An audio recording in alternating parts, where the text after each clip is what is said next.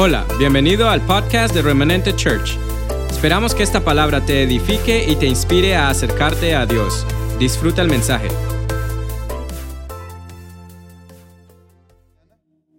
Abrimos nuestro corazón para ti, para que la palabra de Dios en este día de celebración se manifieste en nosotros. Que tu Espíritu Santo, Dios, sea dándonos revelación en lo que tú traes para nuestras vidas. Que la palabra penetre a lo más profundo y provoca, Señor, ese rompimiento, Dios, esa metamorfosis, trayendo un cambio, una renovación a nuestra mente, un refresco a nuestro espíritu, Padre, y una transformación a nuestra alma en el nombre de Jesucristo. Amén. Hoy el mundo celebra resurrección. Igual se celebra estos días la fiesta de la Pascua o Passover o Pesach, que tiene que ver con la celebración de que cuando cuando el pueblo judío, allá en Éxodo 12 lo dice, vino el, ángel de la muerte y pasó por las casas, la instrucción de parte de Dios era que pintaran los dinteles de la puerta con la sangre de un animal, un animal limpio, un animal perfecto, para que cuando pasara el ángel de la muerte, pasó, el pasara por alto. La palabra pesar quiere decir saltar o pasar por alto. Cuando, o sea, que si el ángel venía y había una familia que era del parte del pueblo de Dios, una familia eh, que pertenecía al Señor, la muerte no tocara esa familia porque estaba identificada con la sangre, sino que saltara. Entonces de ahí viene la palabra pesaj, ya pasar por alto la muerte. Normalmente esta fiesta se celebra, Dios dio instrucción en Levítico 23 para que esta fiesta, que es una de las fiestas principales, perdón, se celebrara a los 14 días del mes de Nisan, entre Nisan y Abib, que son como decir marzo y abril, son parte del calendario hebreo. Eh, ahí comienza. Legalmente el año hebreo debiera comenzar en esos, en esos meses. El primer mes del año bíblico más bien, que es un año lunar, empieza en el mes de, de Nisan. Entonces Dios dio instrucción que en ese mes de Nisan se celebrara la Pascua y Abib, que es abril, entre esos dos meses. Porque el año oficial que se celebra, inclusive el pueblo de Israel, donde celebra el año nuevo y por hoy, es lo que se llama el Rosh Hashanah, que se celebra en el mes de Tisri, que es como septiembre, octubre. Eh, esto cambia, ¿por qué cambia? Porque el calendario bíblico, como te digo, que es un calendario eh, lunar, que empieza los días, los días no empiezan a las 12 de la noche o 12 de la madrugada, sino a las 6 de la tarde. Este calendario contiene no 365 días como nuestro calendario habitual, sino que contiene 354 días. Por eso es que varían las fechas. ¿Estamos? Entonces, entendiendo esto, eh, Pesach también representa la obra de Cristo. ¿En qué sentido? En que cuando llegó la fiesta de, de, de Pesach y venía la muerte de Cristo, una noche antes de que Él fuera entregado, dice que él dio instrucciones, allá en Lucas está, dio instrucciones a los discípulos que fueran a un lugar que se llamaba el aposento alto y celebraran el próximo día la Pascua. ¿Qué instituyó él ahí? Que ya el cordero que se usaba para celebrar la Pascua, como judío que, Dios, que, que Jesús era, él quería celebrar las fiestas. Entonces, él estaba diciendo que iba a haber, digámoslo así, ese reemplazo, que ya no iba a ser ese macho cabrío que iba a ser sacrificado, el cordero que se sacrificaba en la fiesta de la Pascua, sino que él sería el cordero de Dios que iba a limpiar, que iba a, a liberar al mundo de pecado. Entonces, nuestra mejor Pascua es quién? ¿Quién? Jesús, porque Él murió y resucitó por nuestros pecados.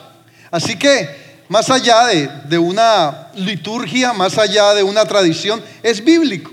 La fiesta de Pascua que se celebra tiene que ver con que Cristo también, o no también, sino que Él vino y murió y dio su vida para ser el Cordero agradable a Dios.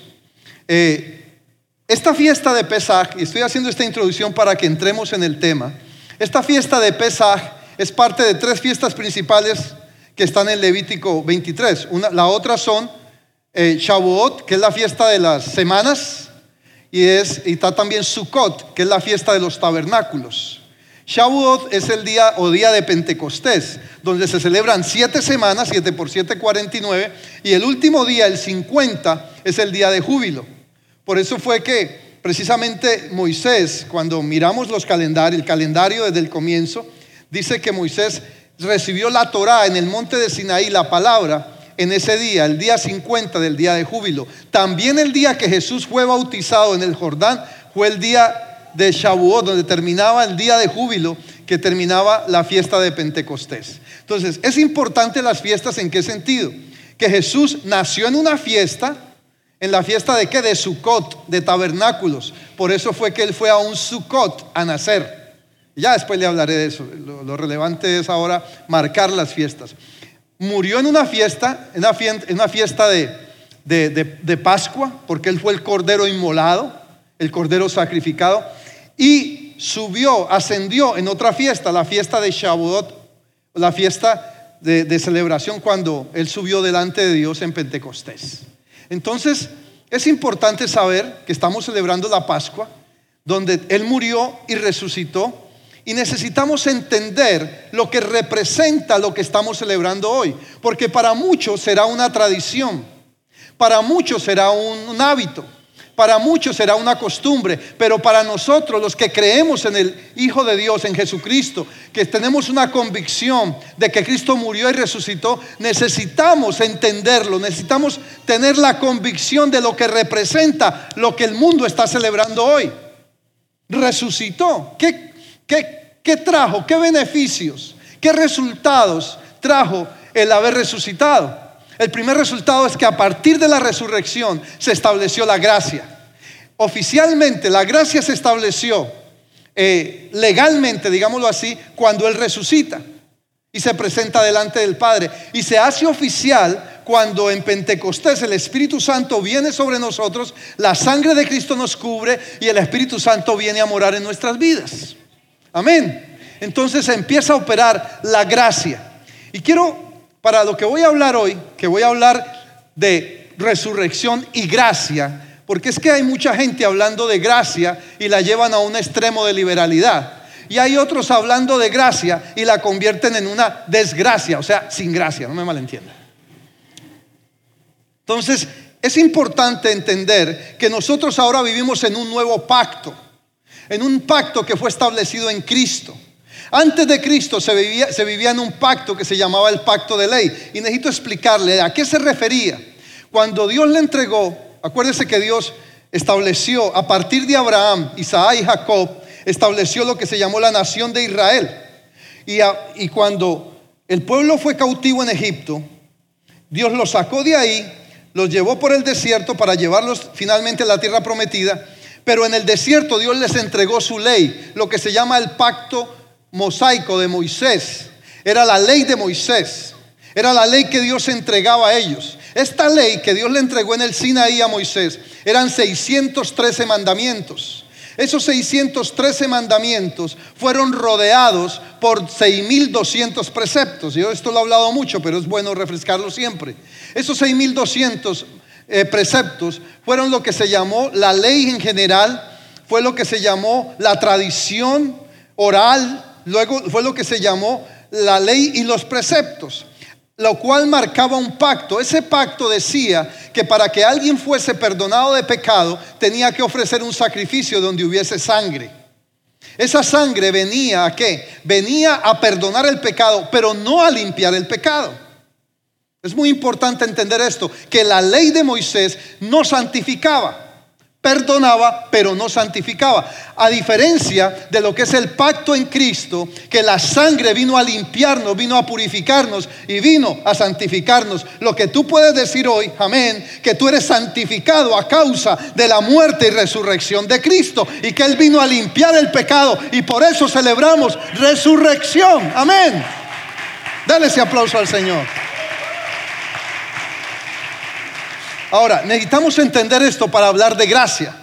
Necesitamos entender de que para hablar de un nuevo pacto es porque hubo un pacto antiguo, por decirlo de esa manera. Necesitamos entender que ese pacto tuvo consigo preceptos, tuvo un sacerdocio, tuvo un sacrificio, pero que el pacto en que nosotros caminamos ahora también fue transformado el sacerdocio, porque ahora tenemos un sumo, sacerdote que ya no es Aarón, que ya no es Leví, pero que es Cristo. Amén.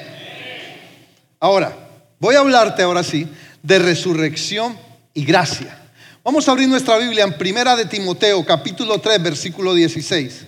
para que entendamos la obra de Cristo, para que entendamos cómo y por qué se estableció la gracia. Voy a hablar, voy a irme calmando porque siempre en las introducciones corro mucho, pero es para establecerte un fundamento, para posteriormente instruirte. Y dice la palabra en Primera de Timoteo 3:16 que indiscutiblemente, indiscutiblemente, grande es el misterio de la piedad, o sea, de la bondad de Dios, del regalo de Dios, de la misericordia de Dios. ¿Hay alguien que lo discuta? No hay quien lo pueda discutir, porque es indiscutible el misterio de la piedad, de que Dios fue manifestado en carne, o sea, Dios, Jesús como Dios, fue manifestado en carne, se hizo hombre para darle legalidad al nuevo pacto que habría de venir. O sea, no solamente era un pacto establecido en lo espiritual, sino que era liberado en lo natural para que nosotros gozáramos de ello. Lo que quiere decir que Jesús, que vivía en la dimensión de la eternidad, necesitaba hacerse hombre, hacerse carne, para bajar a la dimensión humana, porque el hombre no era eterno. Entonces él bajó de su condición de eternidad a la condición de temporalidad o de, de aquello que moría. Donde él vivía, en la dimensión de Dios, no había muerte. Él necesitaba conectarse con los hombres. ¿Para qué? Para entrar en la dimensión donde había muerte. Porque el hombre fue que la paga del pecado es la muerte. El hombre había pecado y entró en condición, en dimensión de muerte. Él necesitaba entrar a esa dimensión para sacar al hombre de esa dimensión de muerte espiritual y meterlo otra vez a la dimensión de vida como al principio. ¿Me estoy haciendo entender? Entonces, Él murió en la cruz para que el hombre fuese liberado del pecado, su sangre nos limpiara y fuésemos otra vez conectados con la eternidad de Dios. Por eso Él se hizo hombre para poder conectar con la humanidad y luego tenía que morir para volver a ser restablecido con su eternidad. ¿Estamos? Entonces dice, Dios fue manifestado en carne, o sea, antes era Dios, justificado en el Espíritu. Dice la palabra en, en 2 de Corintios capítulo 6 versículo 21, que al que no conoció pecado, por nosotros se hizo pecado para que la justicia de Dios operara en nosotros. O sea, para que fuésemos justificados así como Él fue justificado en el Espíritu. Amén. Volvamos otra vez al versículo anterior, porque no he terminado. Gracias. Dice, visto de los ángeles, o sea, los ángeles fueron testigos de todo esto que sucedió.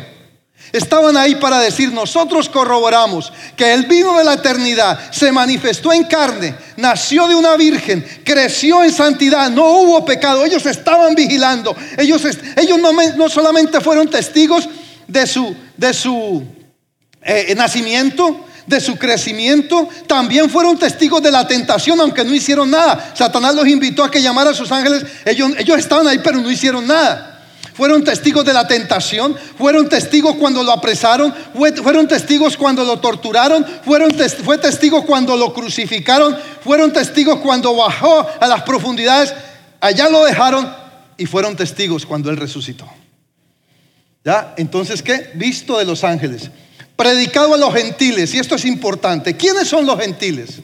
Siempre la ley fue dada a los judíos al pueblo escogido de Dios. Los gentiles somos todos aquellos que no hemos sido judíos, aunque hay algunos que son judíos.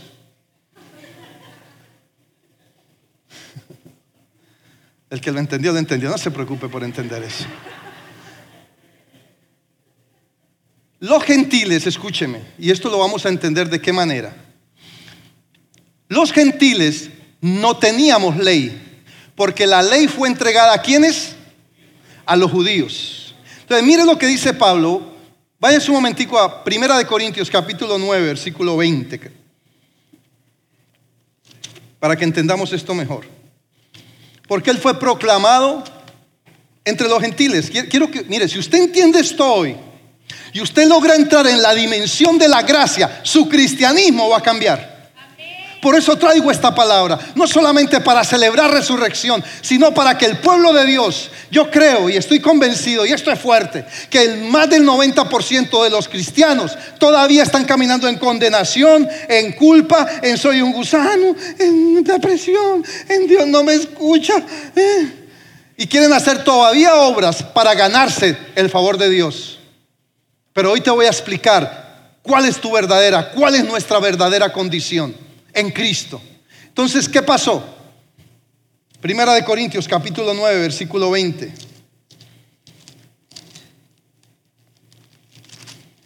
Dice, desde el 19, dice Pablo, por lo cual siendo libre de todos, me he hecho siervo de todos, ¿para qué? Para ganar a mayor número. A Pablo, mire, es que la religión nos ha puesto tanta condición que Pablo dice con esto, y aquí se lo va a mostrar, y le va a romper esquemas. Pablo dijo, a mí lo que me importa es ganar gente para Cristo. ¿Cómo? Ni me importa, me importa es ganar. Entonces, ¿qué hace? Versículo 20. Me he hecho a los judíos como judío, porque Pablo era judío para ganar a los judíos, a los que están sujetos a qué? A la ley, a la ley de Moisés. Aunque yo no esté sujeto a ella, dice. Pero me sujeto, porque además soy judío. No estoy de acuerdo con su ley, pero bueno, voy a estar de acuerdo para ganármelos para Cristo. Para que disfruten de la gracia. Para ganar a los que están sujetos a la ley. Versículo 21. Ahora, a los, eso en cuanto a los que están con la ley. Ahora, a los que están sin ley, o sea, nosotros los gentiles, también como si yo estuviera sin ley. Ok, no necesito ley, no necesito ley. No estando yo sin ley de Dios, sino bajo la ley de quién? De Cristo. Para ganar a quién? A los que están sin ley, o sea, a los gentiles. Ahora, ¿cuál es esa ley de Cristo? Romanos 8.2. ¿Qué dice Romanos 8.2? Y aquí está la clave de la gracia. Romanos 8.2. Romanos 8.2. No tengo Romanos 8.2. Porque la ley, escúcheme, ¿cuál ley es esa? La ley del Espíritu de vida en Cristo, que me ha librado de la ley del pecado y de la muerte. Ya no la ley que me mata, ya no la ley que me juzga, ya no la ley que me condena de ojo por ojo, diente por diente, sino el Espíritu, la ley del Espíritu de vida en Cristo que levantó a Jesucristo de entre los muertos y por el cual hoy celebramos, resucitó. Dale ese aplauso al Señor. Te estoy dando fundamento, dando fundamento. Al que no conoció pecado, Jesús por ti, por mí, se hizo pecado. ¿Para qué? Para que fuésemos justificados y no muriéramos, porque la ley vino para matar. Entonces mató a Cristo. ¿A quién tenía que matar esa ley? A moi, a you. Nos tenía que matar a nosotros. Diga, ¿a quién tenía que matar esa ley? A mí. A usted, a mí. Entonces, como Dios tuvo misericordia, y a eso vino Cristo, Cristo dijo, hey, espérate, yo voy a morir por ellos. Ley, mátame a mí, le dijo la ley. Mátame a mí, porque después que me... Eso suena como una canción, mátame. Mátame a mí. no hay una canción que dice por ahí, mátame. Porque cuando me mates a mí, Jesús sabía que iba a ser justificado y cuando fuese justificado en el Espíritu, como te leí en primera de Timoteo 3:16, él sabía que iba a ser levantado, la ley del Espíritu de vida en Cristo se iba a manifestar y lo iba a levantar de entre los muertos. Amén. Dale ese aplauso al Señor.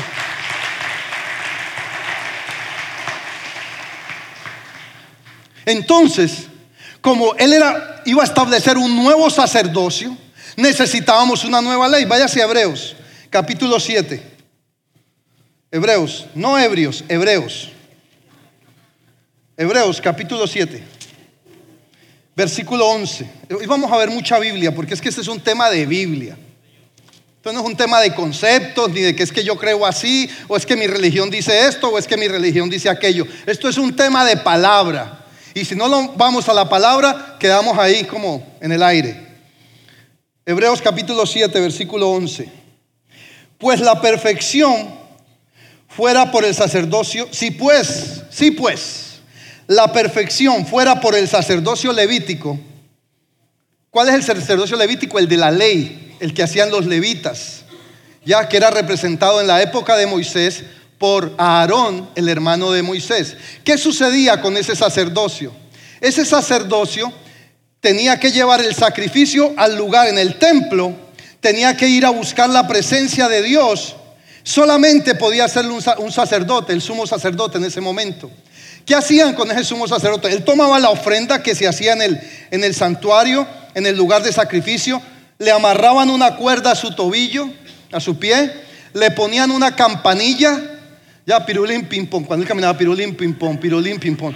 O sea, le ponían una campanilla para que sonara y la cuerda iba marcando la distancia. Ellos sabían ya, va pasando por el lugar santo, la cosa va bien. Va entrando al lugar santísimo, la cosa está bien. Está sonando la campanilla.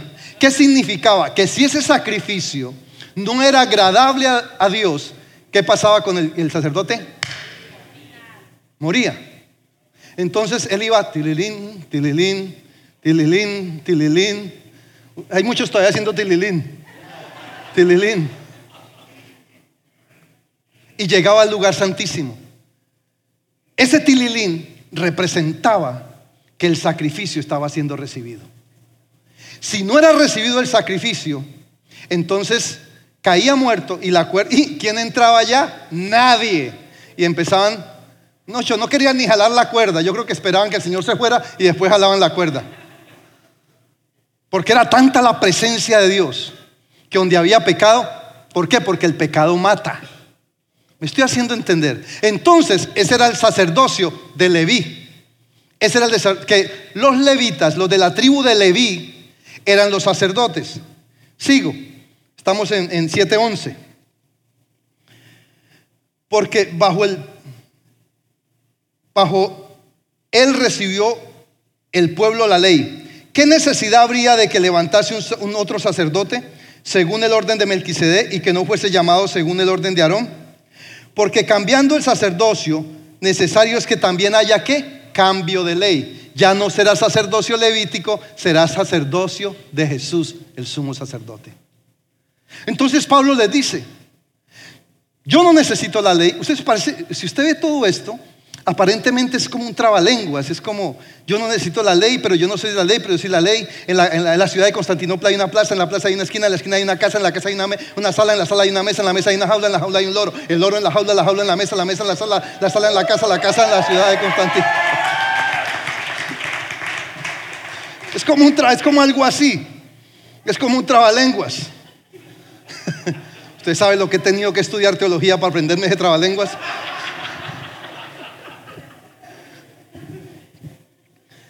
Pero está claro.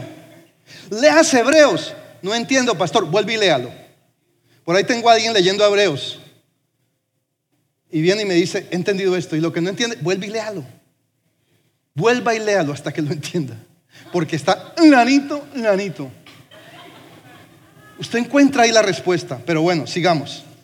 Entonces, en Jesús todos morimos, pero todos resucitamos. De manera que si estoy en Cristo, nueva criatura es. Con Cristo estoy juntamente crucificado. Y ya no vivo yo, sino que Cristo vive en mí. Cuando acepto a Cristo, aquí te voy a decir algo que te va a romper un poquito la religión, la tradición. Es que manejamos tanto concepto que si hubiera un arma para matar la religión, yo la había comprado.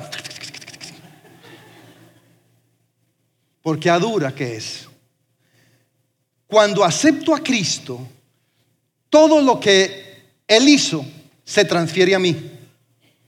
Toda esa justicia, toda esa justificación se transfiere a ti y a mí. Y escucha esto que le voy a decir. Porque en el Antiguo Testamento, en la ley, tú obedecías para bendición. Deuteronomio capítulo 28, versículo 1 al 15. Dice, si, si oyeres hoy mi voz y pusieres por obra todos estos mandamientos, estas bendiciones te alcanzarán. ¿Qué significa? Que tenía que obediencia para bendición. ¿Eso en qué? En la ley, en el antiguo pacto. Pero ¿qué sucede ahora? Efesios capítulo 1, versículo 3. Con Cristo estoy en los lugares celestiales y bendecido con toda bendición espiritual. Escucha esto. ¿Qué significa? Que primero soy bendecido y después obedezco. Primero en la ley tengo que obedecer para bendición, pero en la gracia soy bendecido y por eso obedezco. No la ha cogido usted. Yo ayuno y oro para que usted la entienda. En la ley de Moisés, usted necesitaba obedecer, escuche, obedecer obras, hacer esto, para que la bendición viniera. Pero ahora en la gracia, escuche, usted ya es bendecido. Y a causa de eso, entonces va y obedece. Amén. Eso es gracia. Lo otro es desgracia. O sea, sin gracia, no me malentienda. Eso, es lo que ha hecho la gracia. Este necesitamos entender que no es por obras, porque por gracia sois salvos. Efesios capítulo 2, versículo 8 y 9. Por gracia sois salvos. No por obras para que nadie se gloríe. Y esto no es don ni tuyo ni mío, sino de quién? De Él. De Él. Hemos recibido esa gracia. Necesitamos entrar en ese reposo. ¿Por qué? Porque por ahí todavía hay algunos que nos están exigiendo guardar el sábado. Perdóneme que hable esto, se me soltó la lengua. Pero la, la palabra me dice otra cosa. Si hay un reposo, claro que hay un reposo. Ahí lo dice en Hebreos clarito. Pero ¿quién es ese reposo? ¿El sábado o Cristo? Cristo. El, no oí.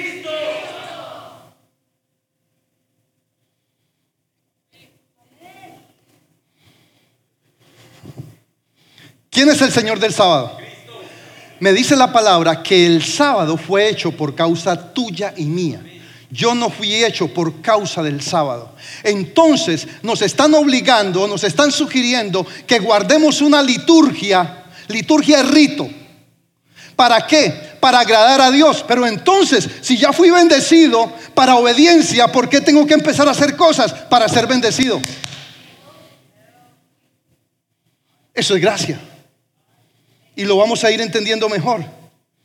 Dice Hebreos que entremos a su Hebreos 4, váyase a Hebreos 4, porque Hebreos la clarifica toda. Mucho dicen que no se sabe quién escribió Hebreos, pero yo creo que fue Pablo. Algunos creen que fue Pablo, porque nadie escribiría así tan atrevidamente sino Pablo. Pedro era medio gallinita para escribir así como escribió Pablo. Ese era un atrevido, pero tenía con qué. Hebreos capítulo 4, versículo. Vamos a leer desde el 1 porque es que este es importante. ¿Quiere leer Biblia hoy? Usted vino a oír Biblia. Usted no vino a que yo lo entretuviera, aunque por ahí le hago un poquito, pero vine a hablarle de Biblia. Dice, temamos pues, no sea que permaneciendo aún la promesa de estar en su reposo, algunos de vosotros parezca no haberlo alcanzado. Porque, versículo 2, porque también a nosotros se nos ha anunciado la buena nueva como a ellos, pero no les aprovechó oír la palabra por no ir acompañada de qué? ¿De qué no iba acompañada? Sino que iba acompañada de qué? De obras. Cuando la, escúcheme, cuando la palabra no va acompañada de fe, no funciona. Porque, ¿Por qué tiene que ir acompañada de fe? Para que entonces a causa de esa fe venga la acción, venga la obra. ¿Estoy haciendo entender? Versículo 3, pero los que hemos creído, ¿cuántos han, que han creído? Entramos en el reposo de la manera que dijo, por tanto juré en mi ira, no entrarán en mi reposo, aunque las obras suyas estaban acabadas desde la fundación del mundo, desde antes de la fundación del mundo, o sea, ya las obras estaban hechas, ya no había que hacer más obras, o quién le va a venir a ayudar a Dios. Porque es cierto, en cierto lugar, Así en cierto lugar, dijo así, del séptimo día, y reposó Dios de todas sus obras en el séptimo día. Y otra vez aquí, ¿no entrarán en mi reposo? O sea, no está hablando, no está haciendo énfasis en un día, está haciendo énfasis en qué? En el reposo. El énfasis de la gracia es en Cristo siempre. Dije que el énfasis de la gracia siempre será en Cristo.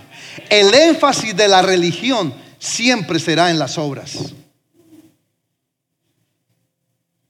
Gánate esto por obedece para que seas bendecido. Pero Cristo me dice, no Señor, yo ya lo bendije, me hace el favor y obedece. yo ya lo bendije, yo aquí no me venga con historias de que usted hizo, no, yo ya lo bendije, a mí no me venga a impresionar, dice Jesús. Yo ya lo bendije, así que obedezca.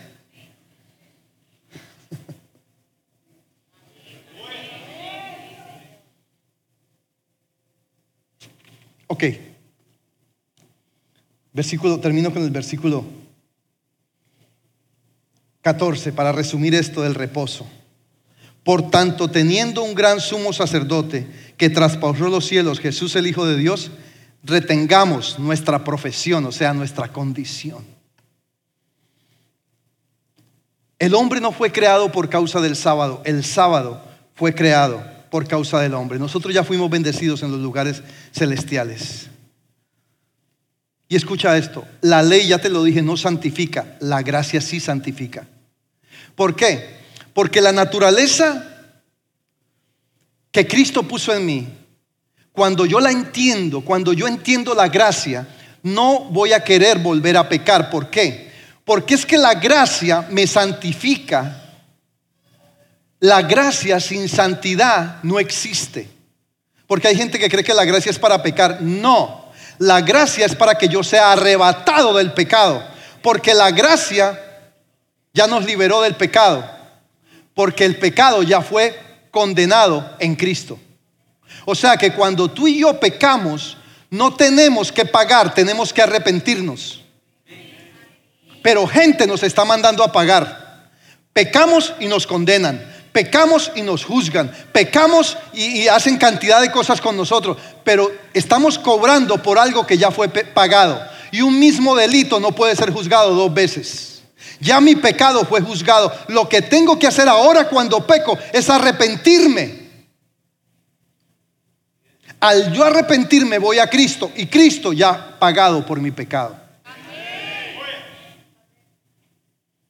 Por lo tanto, no nos descalifiquemos más. ¿Qué ha hecho la religión? ¿Alguien peca? Ah, no. Este tiene que pagar. Entonces por causa de nuestra cultura, que nuestra cultura le encanta la condenación, le encanta la crítica, le encanta la murmuración, le encanta condenar a la gente, le encanta señalar a la gente. Yo conozco gente que tiene revelación, pero la revelación no es sino de los demás, de él nunca le revela nada. Diga ay, diga amén, diga algo. Yo quisiera que alguien me dijera, Igual que cuando Dios le muestra de otro, viniera y me dijera, pastor, Dios me ha mostrado esto de mí, si usted supiera, ah, qué bueno sería. Pero no, siempre es de otro. ¿Cuándo me vas a venir a decir que Dios te mostró algo de tu vida? Y entonces yo te voy a creer que Dios te mostró algo de otro. Entonces nos hemos descalificado. La ley nos descalificó, la religión nos descalificó, la tradición nos descalificó, las costumbres nos descalificaron, la cultura nos descalificó, pero Cristo nos hizo aceptos en Él porque nos justificó. Lo que debía caer sobre nosotros cayó sobre Él, la muerte. Así que ya no hay muerte que nos mate, ya no hay pecado que nos mate porque Cristo nos liberó. Cuando peco necesito arrebatarme del pecado, no condenarme. Cuando alguien peque, Arrebátalo de ahí, no lo condenes, no lo hundas, no lo pisotees. Por ahí anda gente juzgando, criticando, murmurando, condenando, descalificando. No lo hagamos más porque estamos cobrando por algo que ya fue pago.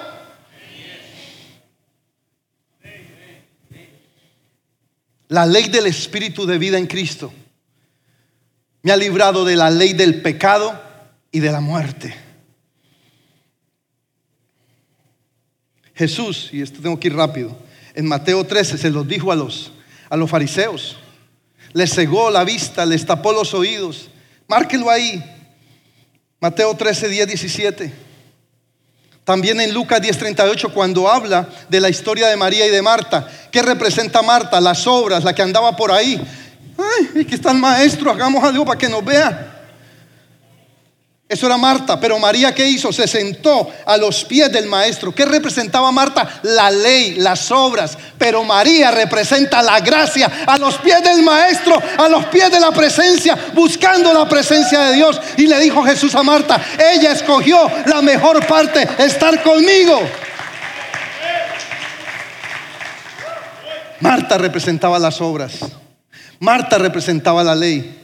Pero María representa la gracia no tengo que hacer nada, necesito andar con Él, andar con Él, porque soy bendecido, obedezco. Pero aún en nuestra cultura, ¿cuál es la esta? Si te portas bien, te compro lo que quieres. ¿No está, no está Lucas aquí, cierto? Ok. Yo nunca le he dado un regalo a Lucas porque se porte bien o se porte mal porque a mí tampoco me los ha dado Cristo porque me porte bien o me porte mal. Yo se los he dado porque lo amo.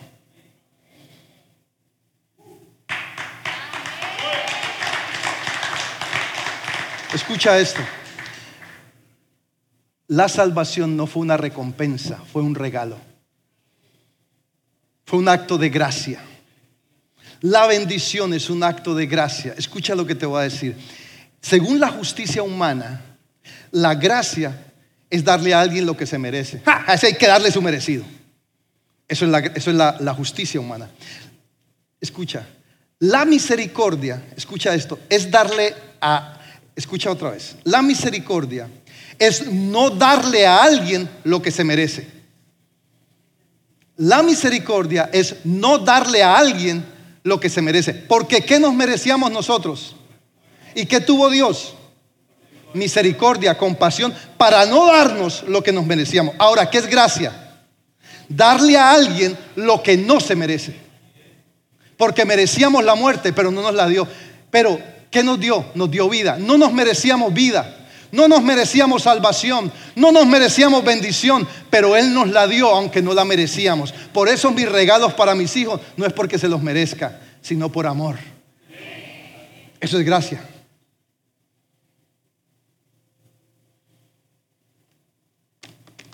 Diga ay, diga amén, diga algo, pero diga.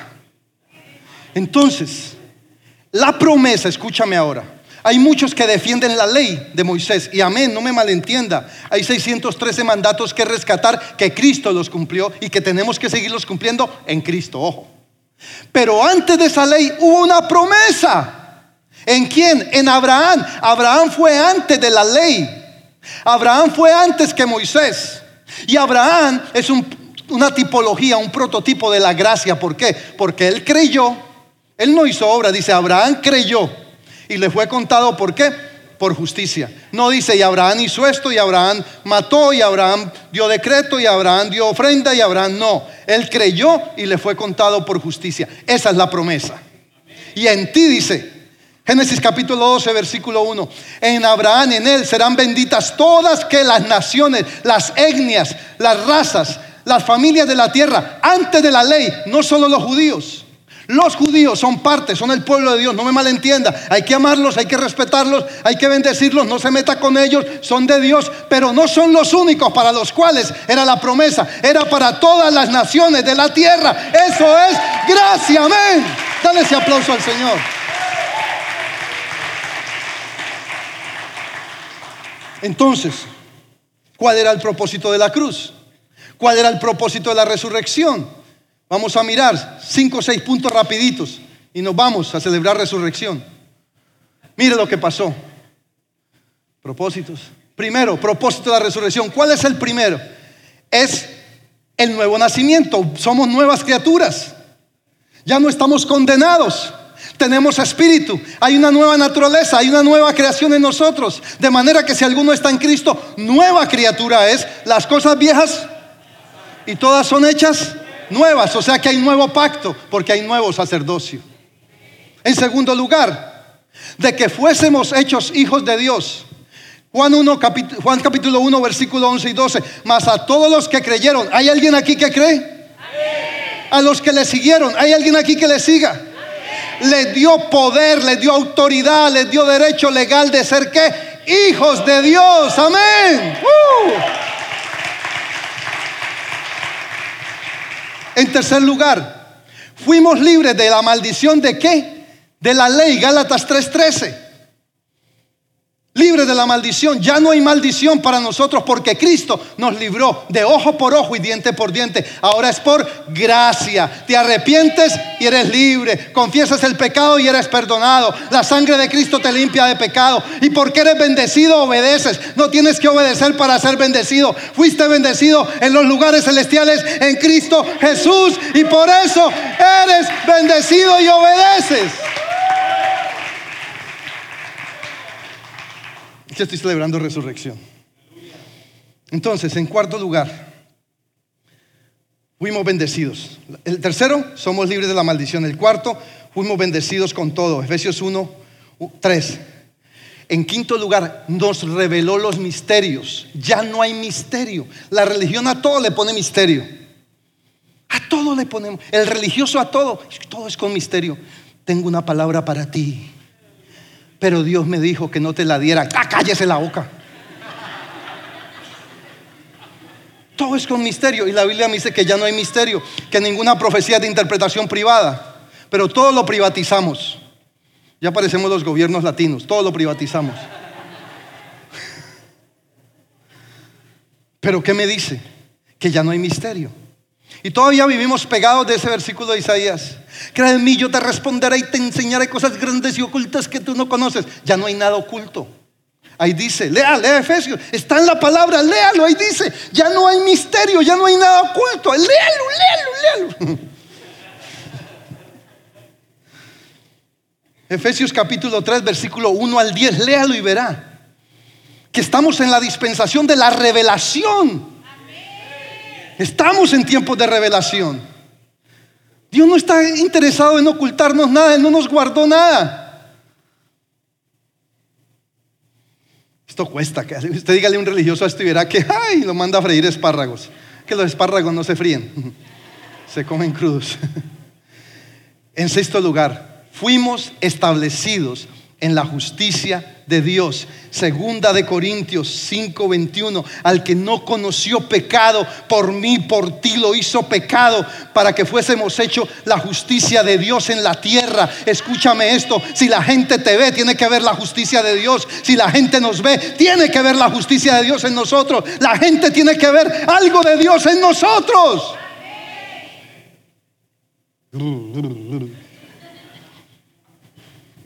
Somos la justicia. ¿Qué quiere decir?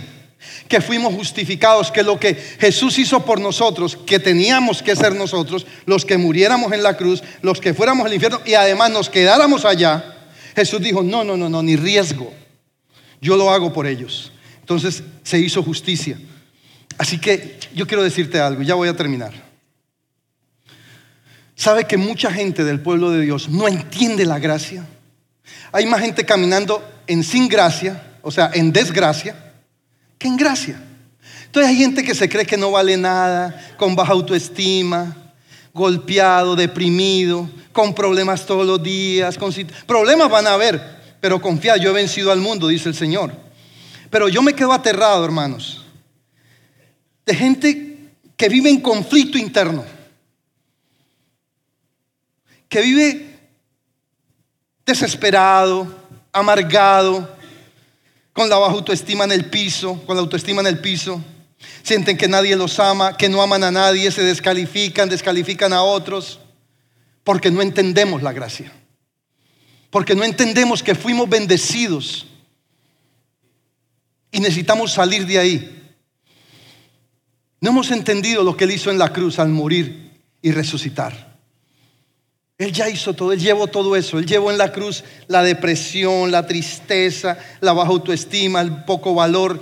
No, tenemos que entender la dimensión de la gracia. ¿Sabes por qué nos descalificamos? Descal- uno descalifica lo que no tiene valor, porque no nos damos valor uno a otro. Yo le dije a ustedes en una prédica hace, algunos días, ¿qué es influencia? Darle valor a los demás. Eso es influencia. Por eso no influenciamos, porque no le damos valor a los demás, los descalificamos. Por eso no somos una influencia en la tierra todavía, porque todavía estamos descalificando. Este, este sirve, este no sirve. Este- así como los frijoles, los frijoles o los frijoles. Cuando los limpian, este sí, este no, este sí, este no. Porque no hemos entendido la gracia. Y la gracia, escúchame, le voy a decir algo. Dejemos de ser atrevidos, de estar descalificando, porque la gracia es para todos. Cuando yo descalifico a alguien, le estoy diciendo, tú no tienes gracia, no la mereces, y yo la merecía. Yo la merecía. Cuando juzgamos y condenamos a alguien, le estamos diciendo, desgraciado, porque no tiene gracia.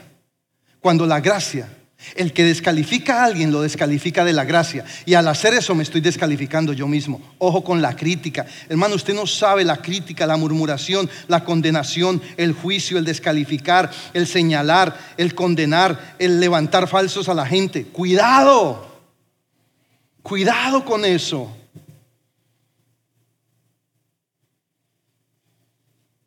Y termino ya con esto. Ya te lo dije, te lo recuerdo. La ley humana, la justicia humana, es darle a todos lo que se merece, su merecido. Darle su merecido. La misericordia es no darle a alguien lo que se merece. Merecíamos la muerte, no nos la dieron. Eso es misericordia. Pero la gracia es darle a alguien lo que no se merece. No expectes que haya algo que tú puedas hacer para disfrutar de la gracia. No hay nada que tú y yo podamos hacer para disfrutar de la gracia. Simplemente disfrútala. Disfrútala y obedece. Disfrútala y obedece. El sacrificio fue hecho. Él fue el Cordero de Dios que quitó el pecado. Fue el Cordero inmolado, el que derramó su sangre por ti y por mí. No te condenes más, no te descalifiques más. Has sido liberado, has sido bendecido en los lugares celestiales. Él te dio un lugar, estamos sentados con Él allá. ¿Qué más queremos? Disfrutemos el paseo por la tierra. Y vamos a celebrar hoy diciendo, Señor, hoy es tiempo de salvación. Dice la palabra en 2 de Corintios 6. Hoy es tiempo de salvación. Y si tú estás aquí esta mañana y quieres disfrutar de esa gracia, dice la palabra en tiempo presente. Hoy es tiempo de salvación. Vamos a leerlo. Segunda de Corintios 6 dice, versículo 2.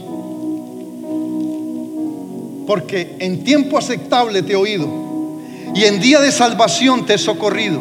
He aquí ahora el tiempo aceptable. He aquí ahora el día de salvación. Hoy el Señor está aquí para salvarte. Ponte de pies. Esperamos que este mensaje haya sido de bendición. No te olvides de suscribirte a nuestro podcast y seguirnos en Facebook e Instagram arroba remanente church.